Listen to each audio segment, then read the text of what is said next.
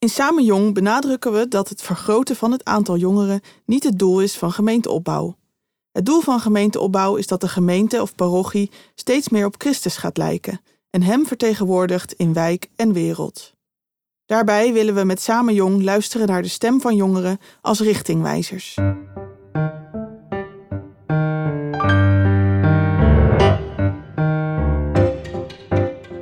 Theologie-podcast gaat over wat vandaag speelt in kerk en theologie.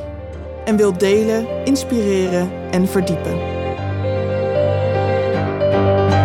Vandaag de gast is Vincenza Laporta.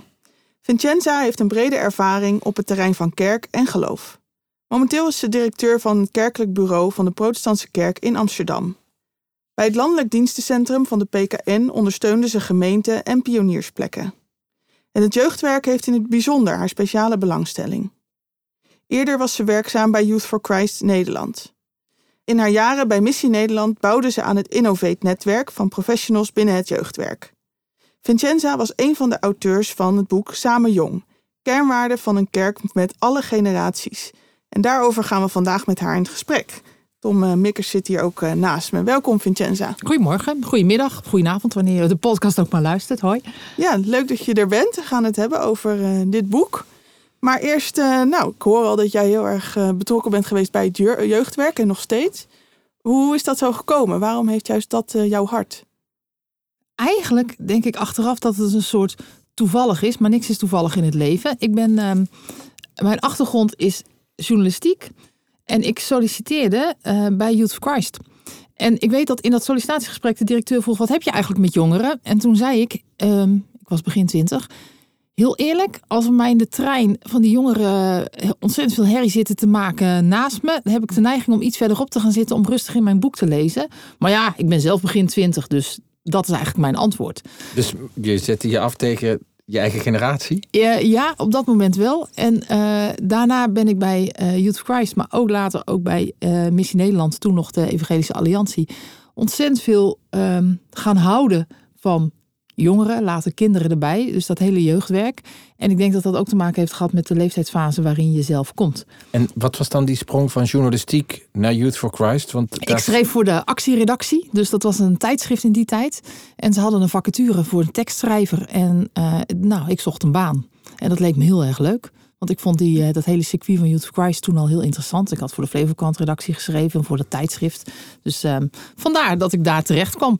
En uiteindelijk denk ik dat die plek daar uh, mijn hart geopend heeft voor uh, kinderen en jongeren in het algemeen. Hoe lang geleden hebben we het dan over? Oh, dat is altijd zo'n leuk sommetje. Ik ben nu 51 en toen was ik 23. Oké. Okay. Dus dat is best een tijd geleden. En ziet dat hele jeugdwerk of dat landschap, ziet dat er nu anders uit dan toen? Of zie je daar een bepaalde ontwikkeling in? Uh, nee, eigenlijk zie ik vooral uh, dat er heel veel op elkaar lijkt, terwijl uiteindelijk de context natuurlijk ook wel aan het veranderen is. Maar de basisvragen die je stelt, Namelijk, uh, wat is de stem van kinderen en jongeren in geloven, in kerk zijn? Die basisvraag komt steeds weer terug. En dat is soms ook wel eens frustrerend, omdat als je dan zo'n tijd al in jeugdwerkland rondloopt, denk je, maar wacht even, dit deden we twintig jaar geleden toch ook? Is er dan niks veranderd? Nee, ik denk dat er heel veel dingen niet veranderd zijn. Uh, maar je moet om de zoveel tijd de vraag ook weer opnieuw stellen om ze weer uh, scherper te beantwoorden. En je zegt jeugdwerk, een onoplettende luisteraar zou denken jeugdwerk in het algemeen, maar het gaat over kerkelijk jeugdwerk. Dus ja. het is verbonden met Jezus en met God, met dat ja. soort thema's. Ja, absoluut. Hoe is dat veranderd dan? Nou, dat dat nog dat het bijna nog iets ingewikkelder is geworden. Namelijk, de, nou, als je zegt heel in het grote, dan gaan we even hoog over, de secularisatie is toegenomen, dan zie je dat. En zeker in de context waarin ik nu werk, Amsterdam, ja, daar zit een gemiddelde tiener in, uh, op de middelbare school niet in de klas met een andere tiener die naar de kerk gaat. Dat heeft ook met het schoolsysteem, het middelbare schoolsysteem in Amsterdam te maken. En dat is echt nog anders dan dat jij op de Bijbelbelt opgroeit en de helft van de jongeren die bij jou in de klas zitten in de middelbare school zit ook nog bij jou in de kerk en ook nog bij jou op club van de kerk of wat er ook nog maar is. Dus daarin zie je dat het wel echt aan het veranderen is. En wat kan jij als directeur van de Protestantse Kerk Amsterdam daar dan in betekenen, in die context? Zo, dat is een grote vraag. Uh, uiteindelijk denk ik met uh, de gaven die mij gegeven zijn, help, ondersteun ik uh, heel, probeer ik daar en met mensen. Hè. Dus ik heb, heb ook jeugdwerkadviseurs die daarin meewerken. En uiteindelijk student-trainees, dat zijn jonge mensen die bij ons een bijbaantje hebben en met tieners aan de slag zijn of met kinderen of met jongeren. daarin inspireren, faciliteren, mensen elkaar laten ontmoeten. En nieuwe, soms ook nieuwe gedachten of nieuwe vormen aanwijzen of aanreiken. Uh, zodat ze daarmee aan de slag kunnen. Um, en uiteindelijk in de basis het thema gewoon levendig houden. En wat is het thema? Het thema is, dat zou ik formuleren als.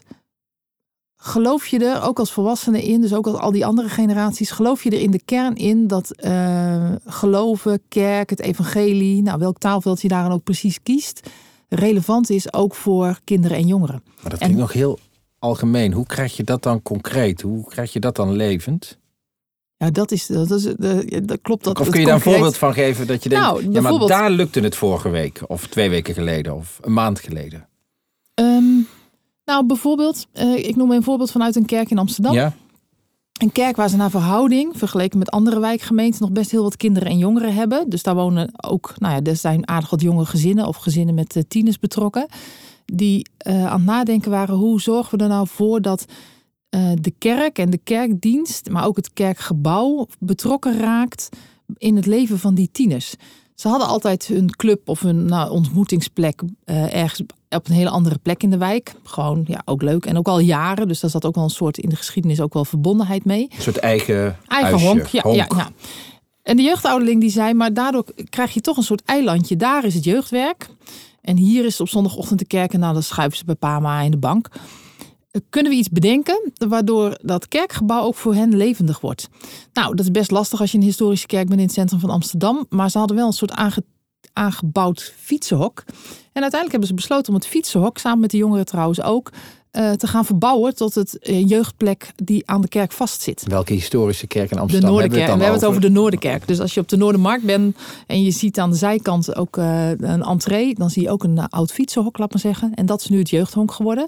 En hebben ze ook op zondag na de dienst, zijn ze met de jongeren aan de slag gegaan. Zo van vanaf nu, nou eerst om te klussen natuurlijk, maar vanaf nu is dat jullie plek. Ook om de verbinding te maken tussen jullie horen helemaal hier bij deze kerk en dit kerkgebouw hoort ook helemaal bij jullie. Maar heeft het dan ook gevolgen voor de inhoud? Want je zegt eigenlijk, je zet de mensen bij elkaar. Maar daarvoor ging het over uh, God, Jezus, kerk, dat soort onderwerpen. Hoe houd je dat levend? Blijft dat thema daardoor levend door de generaties nee, bij elkaar te nou, nou, dat is hoe dan ook een eh, belangrijke voorwaarde. Want uiteindelijk geloof ik er heel sterk in. En dat komt in Samen Jong natuurlijk ook heel erg naar voren. Dat de verbinding van generaties echt wel van belang is. Omdat in de loop der tijd jeugdwerk ook wel wat losgezongen is soms van, uh, het, van andere generaties. En waardoor ook jongeren zich helemaal niet betrokken voelen op elkaar. En als je dan de vraag stelt, betekent dat gelijk... bedoel, zo'n jeugdhonk betekent niet direct iets voor de inhoud. Maar uiteindelijk faciliteer je wel de inhoud en doe je ook iets. Namelijk kerk zijn. En wat daar in die kerk op zondag gebeurt... heeft ook echt te maken met wat jullie doen in dat jeugdhonk. En dat, dat breng je wel dichter bij elkaar. Ja. Ja, interessant. Nou, het viel net al even, Samen Jong. Dat is het boek uh, wat jij uh, recent hebt geschreven. Maar uh, dat deed je niet alleen. Dat heb je samen met Sabine van der Heijden gedaan. Docent en studentcoach aan de Christelijke Hogeschool in Ede. En met Jan Wolsheimer, de directeur van Missie Nederland. En Martine Versteeg deed de eindredactie. Nou, voor mij uh, ook geen onbekend boek, want ik had de eer om het uh, als eerste, ja, eerste exemplaren aan te nemen. En waarom mocht jij dat ontvangen dan? Ja, als, als jonge theoloog des Vaderland was ik gevraagd om, uh, Samen jong te mij zijn. hier aan te verbinden. En nou, ja, ben ik ook wel enthousiast over, dus dat is heel erg leuk. Een quote op de achterkant. Dus, ja, want ze zag gewoon al, ze kon al een pdf-versie lezen van het boek voordat het echte boeken was. Dus dank je wel daar nog voor. Ja, ja en uh, nou, waarom moest dit boek er eigenlijk ook komen? Vanuit welke urgentie is het geschreven? Het, uh, in Amerika is het onderzoek Growing Young geweest. Dat is al een aantal jaar geleden. En dat uh, onderzoek is door wat profs in het jeugdwerk, dus gewoon betaalde krachten, jeugdleiders, opgepikt. Alleen zij ontdekten dat als ze ermee aan de slag gingen, dat zij natuurlijk dan hun eigen jeugdleiding, hun kerkenraad daarin mee wilden nemen. En de drempel om een Engels boek te gaan lezen of een Amerikaans boek is best heel hoog in Nederland. Dus dan krijg je samenvattingen die gaan rondzwerven. Dan, eh, dan krijg je verzoeken. En dat was ook, uh, Sabine had al heel wat verzoeken gehad van jeugdleiders. Uh, maar Missie Nederland ook al in hun netwerk van jeugdorganisaties. Zou het niet handig zijn om dit eens in het Nederlands te doen?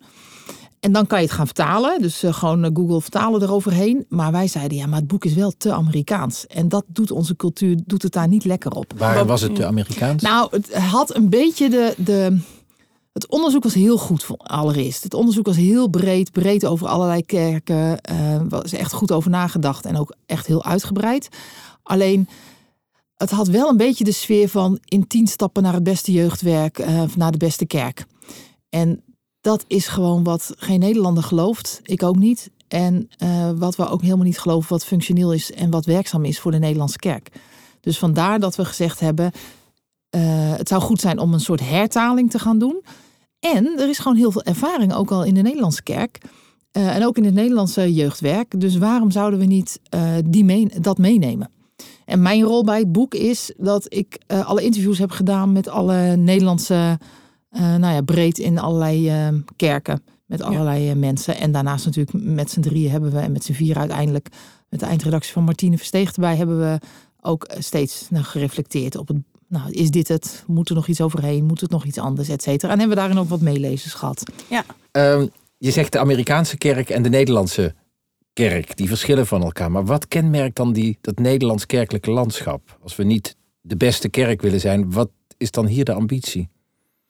Ik denk dat de ambitie in de Nederlandse kerk heel divers is. En dat heeft ook echt te maken soms met theologische achtergrond. Dus waarin de ene kerk heel uh, missionair is en heel erg bezig is met hoe bereiken we, nou even heel gechargeerd gezegd, alle jongeren en alle kinderen in onze wijk. Zal de andere kerk al heel blij zijn dat er een paar kinderen naar de kindernevendienst komen. Ja. Dus het is heel divers. Uh, dus om te zeggen wat kenmerkt de Nederlandse kerk, poeh. Nou, wat kenmerkt je... de kerken in Amsterdam waarvoor je zorgt vanuit het kerkelijk bureau? Nou, um, waarin wij faciliteren in het, vanuit het kerkelijk bureau. Ik denk dat uh, echt een kenmerk van de Amsterdamse kerk is dat zij heel erg kerk zijn en ook willen zijn in de stad. En de stad is ook nog eens een keer heel divers, want het is echt anders als jij een wijkkerk bent in de pijp of dat jij een centrumkerk bent waar mensen op zondagochtend uit de hele stad komen of zelfs nog daarbuiten omdat ze dit type kerk en dit type kerkdienst prettig vinden.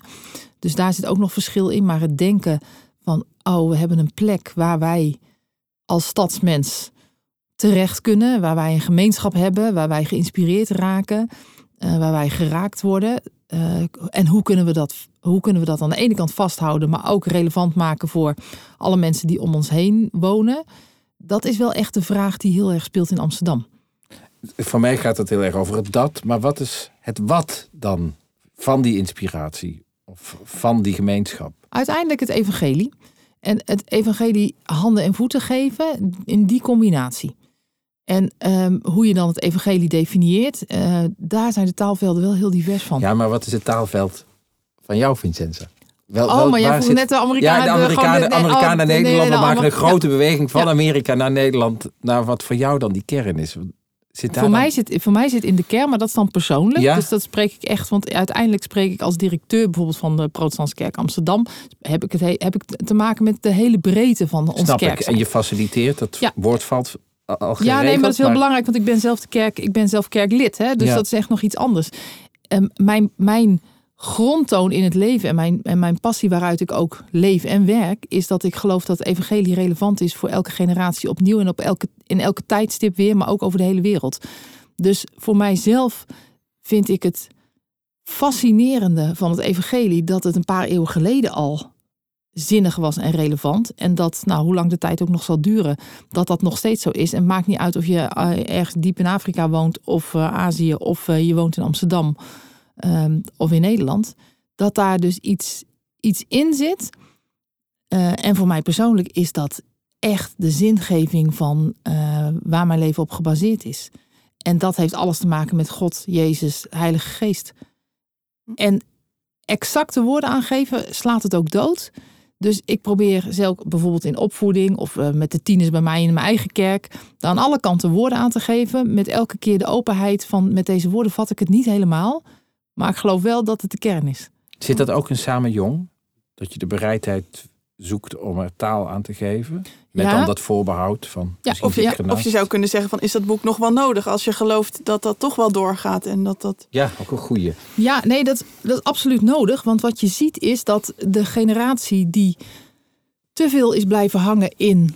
Het is heel moeilijk om er woorden aan te geven. Ehm, als je helemaal geen woorden aan iets geeft, dan denkt de volgende generatie: joh, het is niet relevant. Ik vergelijk het wel eens met een voorbeeld. Als wij het heel erg belangrijk vinden dat onze kinderen regelmatig opa en oma zien, uh, dan betekent het ook dat je dat, dat je dat uitlegt waarom je dat belangrijk vindt. Dus dat geeft, daar heb je echt woorden voor nodig. En ook op het moment suprem dat je, laat maar zeggen, op zondagmiddag bij de voordeur staat en een van de tieners zegt: Ik heb toch geen tijd hoor, ik heb geen zin om naar oma te gaan of naar opa te gaan. Dat je op dat moment in je gedrag laat zien dat het echt prioriteit heeft. En dat je dan dus niet marchandeert en zegt: Nou ja, oké, blijf dan maar thuis omdat je geen zin in het gezeur hebt. Maar dat je dan laat zien: Nee, sorry jongen, je gaat wel mee naar opa en oma. Dus dan laat je en in woorden en in gedrag laat je zien hoe belangrijk je iets vindt. Gaat samen is... jong daarover? Want voor mij ging het boek ook heel erg over uh, bepaalde waarden centraal stellen. Uh, die heel uitnodigend zijn. Dus niet zozeer van ik laat nu zien dat dit prioriteit heeft. ja, maar dat is dus een waarde. Uiteindelijk is dat een waarde die je laat zien in woord en gedrag. Welke waarde zou je. Nou, hier zitten waarden in. Even, dit was het voorbeeld. Hè? Ja. Er zitten waarden in van het is heel erg belangrijk dat je uh, nou, binnen een familie aandacht geeft aan de oudere generatie. En dat we opa en oma nou met een heel deftig woord eren door naar ze toe te gaan. Um, en mm. dat zit wel heel sterk in Samen Jong. Dat we zeggen, het is geen boek waarin we alleen maar helemaal... Er zitten natuurlijk wel praktische tips in. Maar dat het alleen maar een praktisch tipboek is. Stap 1 tot en met 10. En zo heb je de ideale gemeente. Dat was de Amerikaanse variant. Ja, en er, en er zitten wel echt handvatten in. Want anders kan je natuurlijk ook in een mooie woord blijven hangen. En dan denken mensen, ja, klinkt allemaal prachtig. Maar ja, ik ben nu jeugdhouderling bij wij in de kerk. En hoe doe ik het dan? Dus er zitten ook echt wel praktische kanten in. Maar het gaat veel meer om die aan, aan die waarden eronder. Dus bijvoorbeeld die waarde over um, verantwoordelijkheid doorgeven. Dat is een van de. Nou, ja, je is de van, vierde waarde van de zes. Ja, ja. en daarvan zeggen we dat het is ook geen volgorde. Dat je per se, we zeggen, er zit wel een soort volgorde in, maar uiteindelijk. Kun je ze alle zes even noemen voor de luisteraar? Welke waarden zijn het? Ja, dat kan ik. Uh, we zeggen als eerste, en we noemen het ook kernwaarden, hè, prioriteit geven aan jonge generaties. Twee, Jezus boodschap serieus nemen. Drie, hart voor jongeren hebben. Vier, verantwoordelijkheid geven, die noemde ik dus net. Vijf, een warme gemeenschap vormen. Zes, beste buren zijn. En dat zijn dus waarden waarmee je jongeren bij de kerk kunt betrekken. Ja, en uiteindelijk zeggen we, dit zijn waarden die relevant zijn voor het hele kerk zijn. Dus eh, Samen Jong heeft natuurlijk heel erg de connotatie, het is een jeugdwerkboek, maar het is uiteindelijk een boek voor de hele gemeente. Want het heeft ook te maken met de hele gemeente. En uh, nou, bijvoorbeeld een van de interviews die ik deed met een uh, jeugdpredikant, die dus een predikant die een extra opdracht jongeren had, die is gewoon in een soort kampvuursessie met jongeren gaan zitten. En die zei, toen nog de Engelse variant, Growing Young, nou, als je deze waarden nu hoort, wat denk je nou dat bij ons in de kerk vooral heel goed gaat? Uh, wat zou je beter willen hebben en wat krijgt nog helemaal geen aandacht? En wat kwam er terug? Wij hebben dat? top 1, ik weet het nog, een warme gemeenschap vormen. Zij zeiden, dat is zo belangrijk voor ons. Daar moeten we echt meer mee gaan doen. En niet alleen tussen onszelf, want leuk hè, zo'n kampvuursessie nu met de predikant uh, en met die jongeren. Maar dat moet breder. Dus daarna zijn zij begonnen met, moet even weer graven in mijn herinnering, dat ze gewoon een, de, een startdag gehouden hebben met alle generaties samen, waarin ze dit ook heel erg uh, aangezet hebben. Van hoe doen we dat dan? Toen kwam corona. Dus dat was eh, voor hun ook al ingewikkeld. En toen zijn ze begonnen met een uh, podcastserie. Als we nou over podcasts hebben. Een podcastserie binnen de gemeente. Waarin allerlei mensen voorbij kwamen. Uh, waar ook de hele gemeente naar kon luisteren. Ook om op die manier, nou ja, ook in die tijden natuurlijk naar verbinding te zoeken. Dus elkaar zichtbaar maken ja, ook. Ja. Dat maakt, zorgt voor warmte. Ja. En, ja, dat... en elkaar kennen. Dat is natuurlijk de kern. En dat is natuurlijk net zo relevant of jij nou 15 bent of 83 dat is voor de hele gemeente heel erg van belang. Ja. Zijn die waarden dan ook echt bedoeld als een soort spiegel waarin je als gemeente kunt toetsen? Of ja. ja. Als je kan zeggen van hé, hey, waar, hoe scoren wij daarop? Of ja, ja, ja, als je van scorenlijstjes houdt, dan moet je dat als gemeente zeker doen. Dus de ene gemeente staat er beter in dan de ander. Maar het is wel echt op deze manier kan die al echt werken. Dus um, nou, ik vind zelf dus, ik noemde net al even verantwoordelijkheid doorgeven. Afgelopen zondag had ik echt een heel leuk voorbeeld. Het, ja, mijn oog valt er natuurlijk ook altijd direct op. Maar het kwam ook omdat het kereltje, hij is negen um, naar me toe kwam. Die zegt, um, de dag daarvoor was dat. Vincenza, ik heb goed nieuws en ik heb slecht nieuws. Nou, het slechte nieuws was dat hij met volleybal een bal op zijn pink gekregen had. En zijn pink was heel dik geworden, maar het was gelukkig niet gebroken. En het goede nieuws is, morgen mag ik helpen bij het Beamer team. En ik heb de Beamer aan de volgende dag. Hij zat natuurlijk met zijn stoel uh, de volgende dag. Ik heb hem even natuurlijk naar hem gezwaaid en uh, mijn duim opgehouden. En na afloop zei hij, nou het ging heel goed. En uh, 9 oktober mag ik weer. En dus toen sprak ik even de beamer en die zei, ja, superleuk, weet je wel. En hij zei nu, mag ik de volgende keer dan ook een paar keer op het knopje duwen? Nou, dat mag hij natuurlijk doen. En dat is een kereltje van negen, dus dat zegt iets over de beameraar zelf die dienst heeft, uh, die daar ook oog voor heeft. Uh, en ook dat niemand tegen hem zegt, uh, ja, negen. Weet je wel, als je iemand gaat opleiden van negen, denk je, die kan nog niet over na drie keer oefenen de dienst zelf beameren. Dat wordt waarschijnlijk niet. Um, maar wel de verantwoordelijkheid geven. En ook het, nou ja, dan geef je uiteindelijk echt laat je zien van. Dit, dit is verantwoordelijkheid doorgeven en dat betekent ook iets loslaten. Maar is dat niet de verantwoordelijkheid uh, of, of een, een, aanpak die voor elke gemeenschap, vereniging, club absoluut, absoluut. van waarde is? Ja, nee, dat is absoluut. Zou dit boek gelezen, ook gelezen kunnen worden door de tennisclub? Ja, en ik ben benieuwd wat ze doen met het hoofdstuk Jezus boodschap serieus ook, nemen. ja. Maar Sowieso. verder, nee, maar er zit in, zit in heel veel waarden zit echt. Ik bedoel, in heel veel van deze waarden zit natuurlijk iets wat heel breed toepasbaar is. Absoluut. Want ook de tennisclub. Uh, Als wel, voorbeeld. Ja, hoor. nee, maar het is wel een grappig voorbeeld. Want in mijn vorige baan vanuit uh, uh, de landelijke dienstenorganisatie van de Protestantse Kerk hebben we juist met de Tennisbond gesproken over hoe doen zij dat. En die zaten ook met de hele ingewikkeldheid van het werven van jonge mensen. Dus het is een leuk voorbeeld wat je zomaar ingooit. Um, de prioriteit geven aan gezinnen en aan uh, jonge mensen, dat is een hele moeilijke, ook bij een tennisclub, maar ook in de kerk. Want er wordt heel vaak wel gezegd, oh ja, het is heel belangrijk, ook kinderen en jongeren. Er is echt niemand die, die tegenkomt die zegt, oh, er zijn er wel. Die zeggen, oh jongens, hou op met het kindermoment of wat dan ook, heb ik helemaal geen zin in. Want ik heb geen kinderen, et cetera. Maar gemiddeld genomen zijn de meeste mensen heel erg voor. Want iedereen denkt, ja, dat is wel belangrijk, nieuwe generaties. Maar echt prioriteit eraan geven, dat je ze voorop neemt in ook je besluitvorming, et cetera. En zelf dus een stapje terug doet. Ja. In zekere dus zin, althans de oudere generatie. Ja, en daar zit iets gunnends in. Gun je dat dan? Dat vinden we heel erg moeilijk. En ik moet zeggen, ik vind het zelf ook heel moeilijk. Nu Kun je een voorbeeld 51 geven? Ben. Nou. Waar gaat het mis bij jou? Bij mij gaat het mis in de liturgie bijvoorbeeld. In mijn kerk wordt er best heel veel... Uh, ik zit in een samenwerkingsgemeente, Protestantse Kerk, Nederlands gereformeerd, Christelijk gereformeerd. En um, op liturgisch gebied zit ik daar, nou niet helemaal meer op mijn plek, laat maar zeggen. Dus als weer. Wat gaat er mis? Noem eens een nou, voorbeeld. dan wordt weer het nummer Oceans ingezet. Zo'n uh, zo'n uh, Engels uh, opwekkingslied. Ja, hij staat in het ja. Nederlands in opwekking, geloof ik.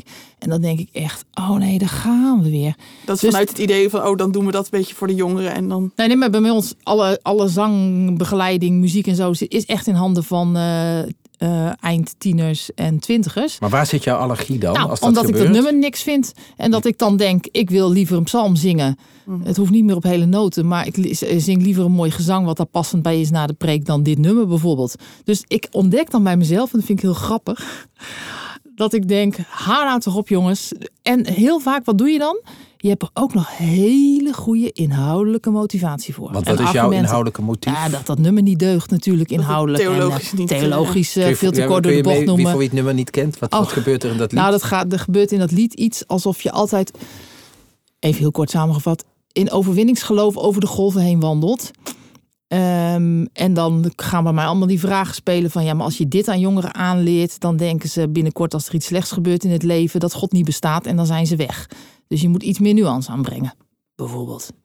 Dus ik voel dus bij mezelf hoe ingewikkeld ook toch zo'n punt weer is. Terwijl ik echt een kind- en jongerenmens ben, hè, denk ik dan altijd er nog bij. Ja, maar je bent er zelf ook. Dus wat mag ruimte, kost, ruimte maken voor jongeren dan ook kosten op zo'n moment? Ja, wat, wat mag het jou kosten? In? Ik heb wel een heel leuk voorbeeld. Echt, uh, echt heel leuk. Van een kleine protestantse gemeente. Ik uh, um, interviewde de jeugdwerker. Wat ook al getuigde van visie. Hè, dat zij aangenomen werd in een gemeente waar ongeveer geen kinderen en jongeren meer waren. In een klein dorpje. En zij is aan de slag gegaan, want die mensen zeiden ook, ja, we nemen je wel aan, maar we denken echt dat er geen kinderen en jongeren hier meer zijn. Toen zegt ze, ja, maar er is een nieuwbouwwijkje gekomen, dat moet toch. En zij is gaan verbinden en zij heeft uh, een startzondag. En ze is begonnen met, was het toen in coronatijd, met een gewoon een kinderclub te beginnen op woensdagmiddag. Al die ouders blij, want konden ze hun kinderen kwijt. Dat is corona, dat was natuurlijk dat was heel behulpzaam. En toen heeft ze een startzondag gehouden en heeft ze een kliederkerkviering ingedaan. Dus echt helemaal gericht op gezinnen, waar echt heel veel van die kinderen en, en, en ouders ook kwamen. Ze zegt, ik heb het allemaal niet zo genoemd. Want anders uh, vonden de ouderen het ingewikkeld. Als ik gezegd had, nou de startzondag doen we in het vervolg heel anders. Dat gaan we zo doen. Zegt ze, dat heb ik gewoon allemaal niet gezegd. En ze zegt, er kwam een oudere mevrouw naar me toe en die zei... Oh, dit is weer de kerk zoals ik het ken van vroeger. Er zijn weer kinderen, er zijn weer jonge mensen. En daar, daar ging een soort vakje open van, oh, het kan dus toch. Dus daar zit dan ook iets gunnends in. Ehm, terwijl een andere jeugdwerker die ik interviewde, die ging even in het kerkblad schrijven. We gaan aan de slag met Growing Young, toen nog samen jong, et cetera. Hij zegt, nou, ik had gelijk een hele boze mevrouw op, uh, die zei, uh, wat nou, doen wij als ouderen er niet meer toe? Zijn wij niet relevant? Wij horen toch ook bij de kerk? Is dat een angst bij ouderen die Ja. speelt? Ja, absoluut. En tegelijkertijd denk ik, kijk naar de kerk in Nederland. Maak je niet druk. Globaal genomen is de kerk in Nederland voor een heel groot deel eh, best heel erg gericht op, eh, Op ouderen. op ouderen. En hoe ouderen het doen. Zelfs in de in taakomschrijving van predikanten wordt er ook nog heel veel tijd besteed aan pastoraten aan oudere mensen. En ik zeg niet dat dat niet goed is. Hè? Dat zegt het boek ook absoluut niet. Maar wij zeggen, de generatie die dan vergeten wordt, ehm, breng die onder de aandacht. Ook in de keuzes die je maakt, ook als kerkenraad. Dat je gewoon kijkt, oké, missen we die generatie eigenlijk niet in onze besluitvorming? Hoe zouden die ernaar kijken? En ehm, betrek ze dan ook. Tabitha, jij bent ook heel erg bezig met jongeren en de kerk. Ja. Hoe, hoe, hoe lees jij dit boek? Ja, ik vind het wel heel erg boeiend. En eh, nou, ik denk dat veel gemeentes er echt iets aan kunnen hebben. Tegelijkertijd ja, worstel ik dan ook een beetje met dat maakbare. Of hoe, hoe maakbaar is het? Of als jij zo'n mooi verhaal van... eh, nou, de verwachtingen zijn laag en zo'n jeugdwerker komt... en weet toch weer iets nieuws aan te boren. Dan denk ik, ja, vaak is het omgekeerde ook waar... dat er een jeugdwerker wordt aangenomen, verwachtingen hoog gespannen. En dan ja, lukt het niet om mensen weer te betrekken bij de kerk... of blijft een soort resultaat uit... En ja, kunnen we daar ook mee leren omgaan? Of eh, hoeveel ruimte is daarvoor? Dus dat ja, zit altijd wel meerdere kanten aan. Nee, Kijk dit is ook wel, ja, nee, maar dit is absoluut. Want als kerken, ik vind het een goed punt wat je indient. Als kerken denken, we nemen een jeugdwerker aan.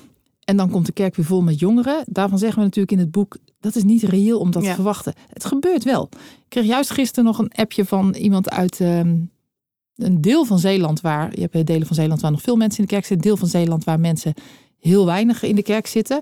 Daar zat één kind nog in de kindernevendienst. En daar zijn ze heel erg gaan inzetten op prioriteit aan kinderen in het dorp. Nu zijn er veertien. En er is ook een deel van de kerk die al helemaal in het gedachtegoed zit. Het wordt hem niet meer, ze komen niet meer, het is niet interessant, we zijn niet relevant. Fijn dat wij er nog wel zijn en dat het met ons goed gaat en we zorgen Hmm. goed voor onszelf. Dus je, je houdt die, die, die twee kanten. Ja. En ik hang natuurlijk nog steeds wel heel sterk aan de kant. Eh, kijk, als je er zelf niet meer in gelooft, weet je zeker dat het, niet, dat het hem niet wordt. Ik geloof er wel in dat het wel relevant kan zijn. Alleen je moet soms ook wel rekening houden met je demografische omstandigheid. Als er bij jou in het dorp geen, echt geen kinderen meer wonen, geen jonge gezinnen, omdat die allemaal ergens anders moeten wonen. eh, ja, dan is het echt een ander verhaal dan als dat wel zo is. Maar dan heb ik een, een prangende vraag. Wat is dan jouw droom of jouw visioen voor de kerk in Amsterdam? Hoe ziet die er over tien jaar uit? Als je, met jouw geesteskracht en jouw enthousiasme. En Oh ja, ik geloof, jouw helemaal- geloof dat je nee, ik geloof uiteindelijk in het. Ik geloof uiteindelijk in dat dat niet mijn geestkracht is, maar dat Gods geest waait. En ik weet niet hoe de komende tien jaar Gods geest waait in Amsterdam. Ik hoop heel erg dat dat die blijft waaien, dat het niet weggaat. En dat wij onze ogen open houden om te zien waar wij moeten volgen. En waar, waar er iets is waarvan je denkt, ah, er gebeurt iets. En daar kan je bij aanhaken. Dus ik, ik zal zeggen, heel eerlijk, ik werk er nu twee jaar. Toen ik in mijn sollicitatieprocedure zat, zei ik, ik ga niet beloven dat over vijf jaar ik de kerk in Amsterdam beter ga achterlaten of wat dan ook dan toen ik kwam. Geloof ik helemaal niet in. Dat is echt zo maakbaar denken. Ik Een geloof er beetje het geloof van onze tijd. Hè? De wereld een stukje mooier achterlaten dan dat je Ja. het aangetroffen. Ja, nee, dat is, dat is, heel fijn als dat lukt. Eh, Ik bedoel, idealen moet je ook echt houden. Maar het is ook gewoon eh, hard worstelen en zoeken. En kijk, in een Amsterdamse context is het zo dat als je kind nummer twee krijgt, pas je niet meer in je huis. En er is echt geen huis onder eh, de acht ton of eh, te vinden om nog te wonen. Hè? Dus ze verhuizen naar Almere, eh, Amersfoort, weet ik veel wat. En dan moet de winter nog beginnen. Deze winter. Nou, als je alle crisis erbij 22, krijgt, ja. 23. Ja. En tegelijkertijd eh, is er wel net eh, twee weken terug een nieuwe leefgemeenschap voor christelijke studenten gestart in samenwerking met Stichting Ruimzicht. Zodat eh, die studenten daar in de oude pastorie naast een kerk gaan wonen en ook hun, een deeltje van hun tijd gaan inzetten ten dienste van die wijk en ten dienste van de kerk. Dus daar zie je in een heel andere vorm dan we zitten op zondagochtend in de kerk. Nee, we zijn een christelijke leefgemeenschap. Dat je iets doet in de stad en dat je aanwezig bent. Dus weet je, ik, ik ben ook wel van de verrassingen. Laat ons maar verrassen wat er gebeurt. En laten we onze ogen goed open houden. En als je, nou, wat zou je nou graag mee willen geven aan, aan anderen die dit horen, of gemeenten uit heel Nederland? Heb jij nog tips, ook naar aanleiding van dit boek? Waar kan men beginnen? Nou, begin maar eens met het boek te lezen, zou ik zeggen. En dan is het heel leuk dat Missie Nederland nu ook een netwerk heeft, Samen Jong. Met allerlei gemeenten die ermee aan de slag zijn. Dus dan kan je ook laten inspireren. Ook kijken van, is ja, een beetje stadscontext, dorpcontext, waar je in Nederland bent. Hoe doen jullie dat? Wat, wat, wat pakken jullie op, wat niet? En gewoon aan de slag te gaan. Uh, dat is wel denk ik echt heel goed. Dat je in je denken, en dan niet alleen als jeugdwerker, maar ook echt met je kerkraad, als dat het belangrijkste orgaan is, of je parochiebestuur, wat het ook maar is, om ermee aan de slag te gaan. Want uiteindelijk wat wij opgeschreven hebben, wij zeggen ook, het is niet iets spectaculairs nieuws of zo, hè? maar soms helpt een boek wel weer. En... Ik werd er blij van van het boek. Oh, Los van of het, of het werkt of niet. Het perspectief dat je gegeven wordt van kijk, bekijk het eens op deze manier. Uh, dat lucht een beetje op. En uh, dan denk je, nou, laten we dat dan ook eens proberen. Nou ja, kijk, en dat hopen we ook wel. En dat zien we nu ook wel gebeuren. Dat het mensen lucht geeft. En dat, nou, een predikant bijvoorbeeld, die is gewoon een serie preekbron. Hij zegt, weet je, ik preek gewoon de zeven kernwaarden door in mijn preek. Uh, wel, met, natuurlijk echt wel een preek maakt hij ervan niet. Uh, ik lees het boek voor. Omdat hij zegt: Ik geloof er zo in dat hier waarheid in zit. die gaat helpen voor ons in de gemeente. Dus dat zou ik gemeente willen meegeven. Kijk ook even wat bij je past. Het is in die zin echt niet een stappenplan. Stap 1 tot met uh, 7. Wandel het maar door en dan kom je uit bij uh, het uh, Hemels Jeruzalem in je, je eigen je, gemeente. En je moet je laten verrassen. Ja, dus nou, niet alleen samen jong, maar ook uh, samen doen misschien wel. Ja, mooie samenvatting, ja. Ja, dankjewel Vincenza voor dit boeiende gesprek. En nou, ik hoop dat veel mensen het gaan lezen. Dankjewel. Absoluut.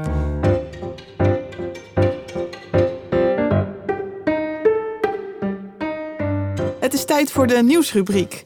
En dat doe ik niet alleen, want uh, hier bij mij aan tafel zit Arjen van Tricht, uitgever van uh, Kok Boekencentrum en ook betrokken vanuit uh, theologie.nl bij deze podcast. Welkom Arjen. Dankjewel, ik vind het leuk om hier te zijn. Ja, en wat heb jij voor nieuws ook voor ons te brengen? Dit keer wil ik het hebben over onze kerkmuziek. Kok Boekencentrum is ook een uitgever van heel veel kerkmuziek. voor de protestantse kerken en voor de katholieke liturgie. En um, wij deden dat tot nu toe in uh, boekvorm altijd. We hadden ook onze digitale platformen om teksten te zoeken. Maar nu gaan we onze begeleidingsmuziek ook digitaal aanbieden. En dat doen we via een nieuw platform, kerkmuziek.nl. En in de komende maanden moet die live gaan en moet het aanbod muziek daarop langzamerhand uitgebreid worden. En hoe kunnen mensen dan met die kerkmuziek uh, aan de slag?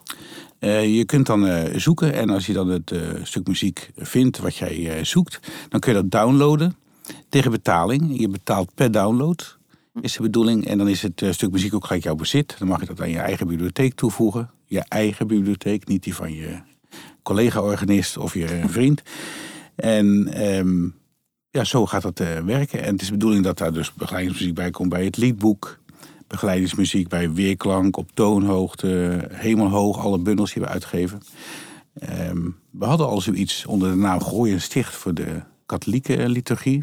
Nou, dat komt er ook bij. Dus ook uh, Thijs Gooi en Sticht heet dat? Gooi en Sticht. Ja, dat is een hele oude katholieke Klinkt heel uitgeverij. Ja. ja. Oké, okay. maar dus al die losse velletjes met bladmuziek, dat is uh, verleden tijd dan? Uh, als ja. dat platform er is. Ja, of grote dikke boeken die je dan op je piano standaard moest zetten of op je orgel standaard. Nee, maar mensen spelen steeds vaker vanaf een iPad of een tablet apparaat. En we kregen dus steeds vaker de vraag van kunnen jullie nou deze muziek digitaal leveren? Nou, daar gaan we nu aan bouwen en uh, dat gaan we doen.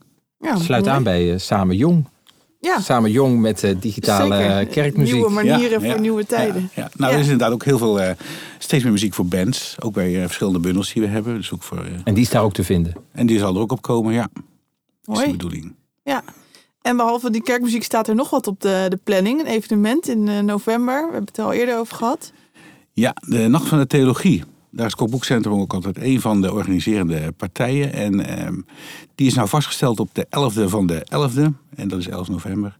En dat is leuk, hè? Want 11-11, Tabita, jij bent jonge theoloog des Vaderlands. En jij hebt laatst gepleit voor de rol van de theoloog als de nar. Ja. En, en, en Thomas Kwartier, de theoloog des Vaderlands, zegt ook de theoloog is de beetje de dwarsligger, de ontregelaar. Ja. Ja. Dus 11-11 is eigenlijk een prachtige datum om jullie uit te zwaaien in die rol. Is goed over nagedacht. Ja, Ja, en jij Tom natuurlijk organisator van het eerste uur. eh, Eerste uur, maar ik ben er alleen op een verre afstand slechts bij betrokken. Dus het wordt bij de EO georganiseerd. En eh, nachtvandetheologie.nl zijn kaarten te verkrijgen. 11 november. Grappig, hè? Jij noemt, uh, je had het over de dwaasheid van de theologie bij de opening van de PTHU-jaar. Maar die theologie is dan zo dwaas dat we er gewoon een nacht voor organiseren. Ja, om juist die theologie weer in het zonnetje te zetten. Ja. Ben jij dwaas af en toe? Ik dwaas af en toe, ja. Als niemand het ziet, hè. Oh. nou, leuk. Ik hoop dat er veel mensen komen. Het wordt interessant. Dankjewel, Arjen, voor Graag de nieuwtjes.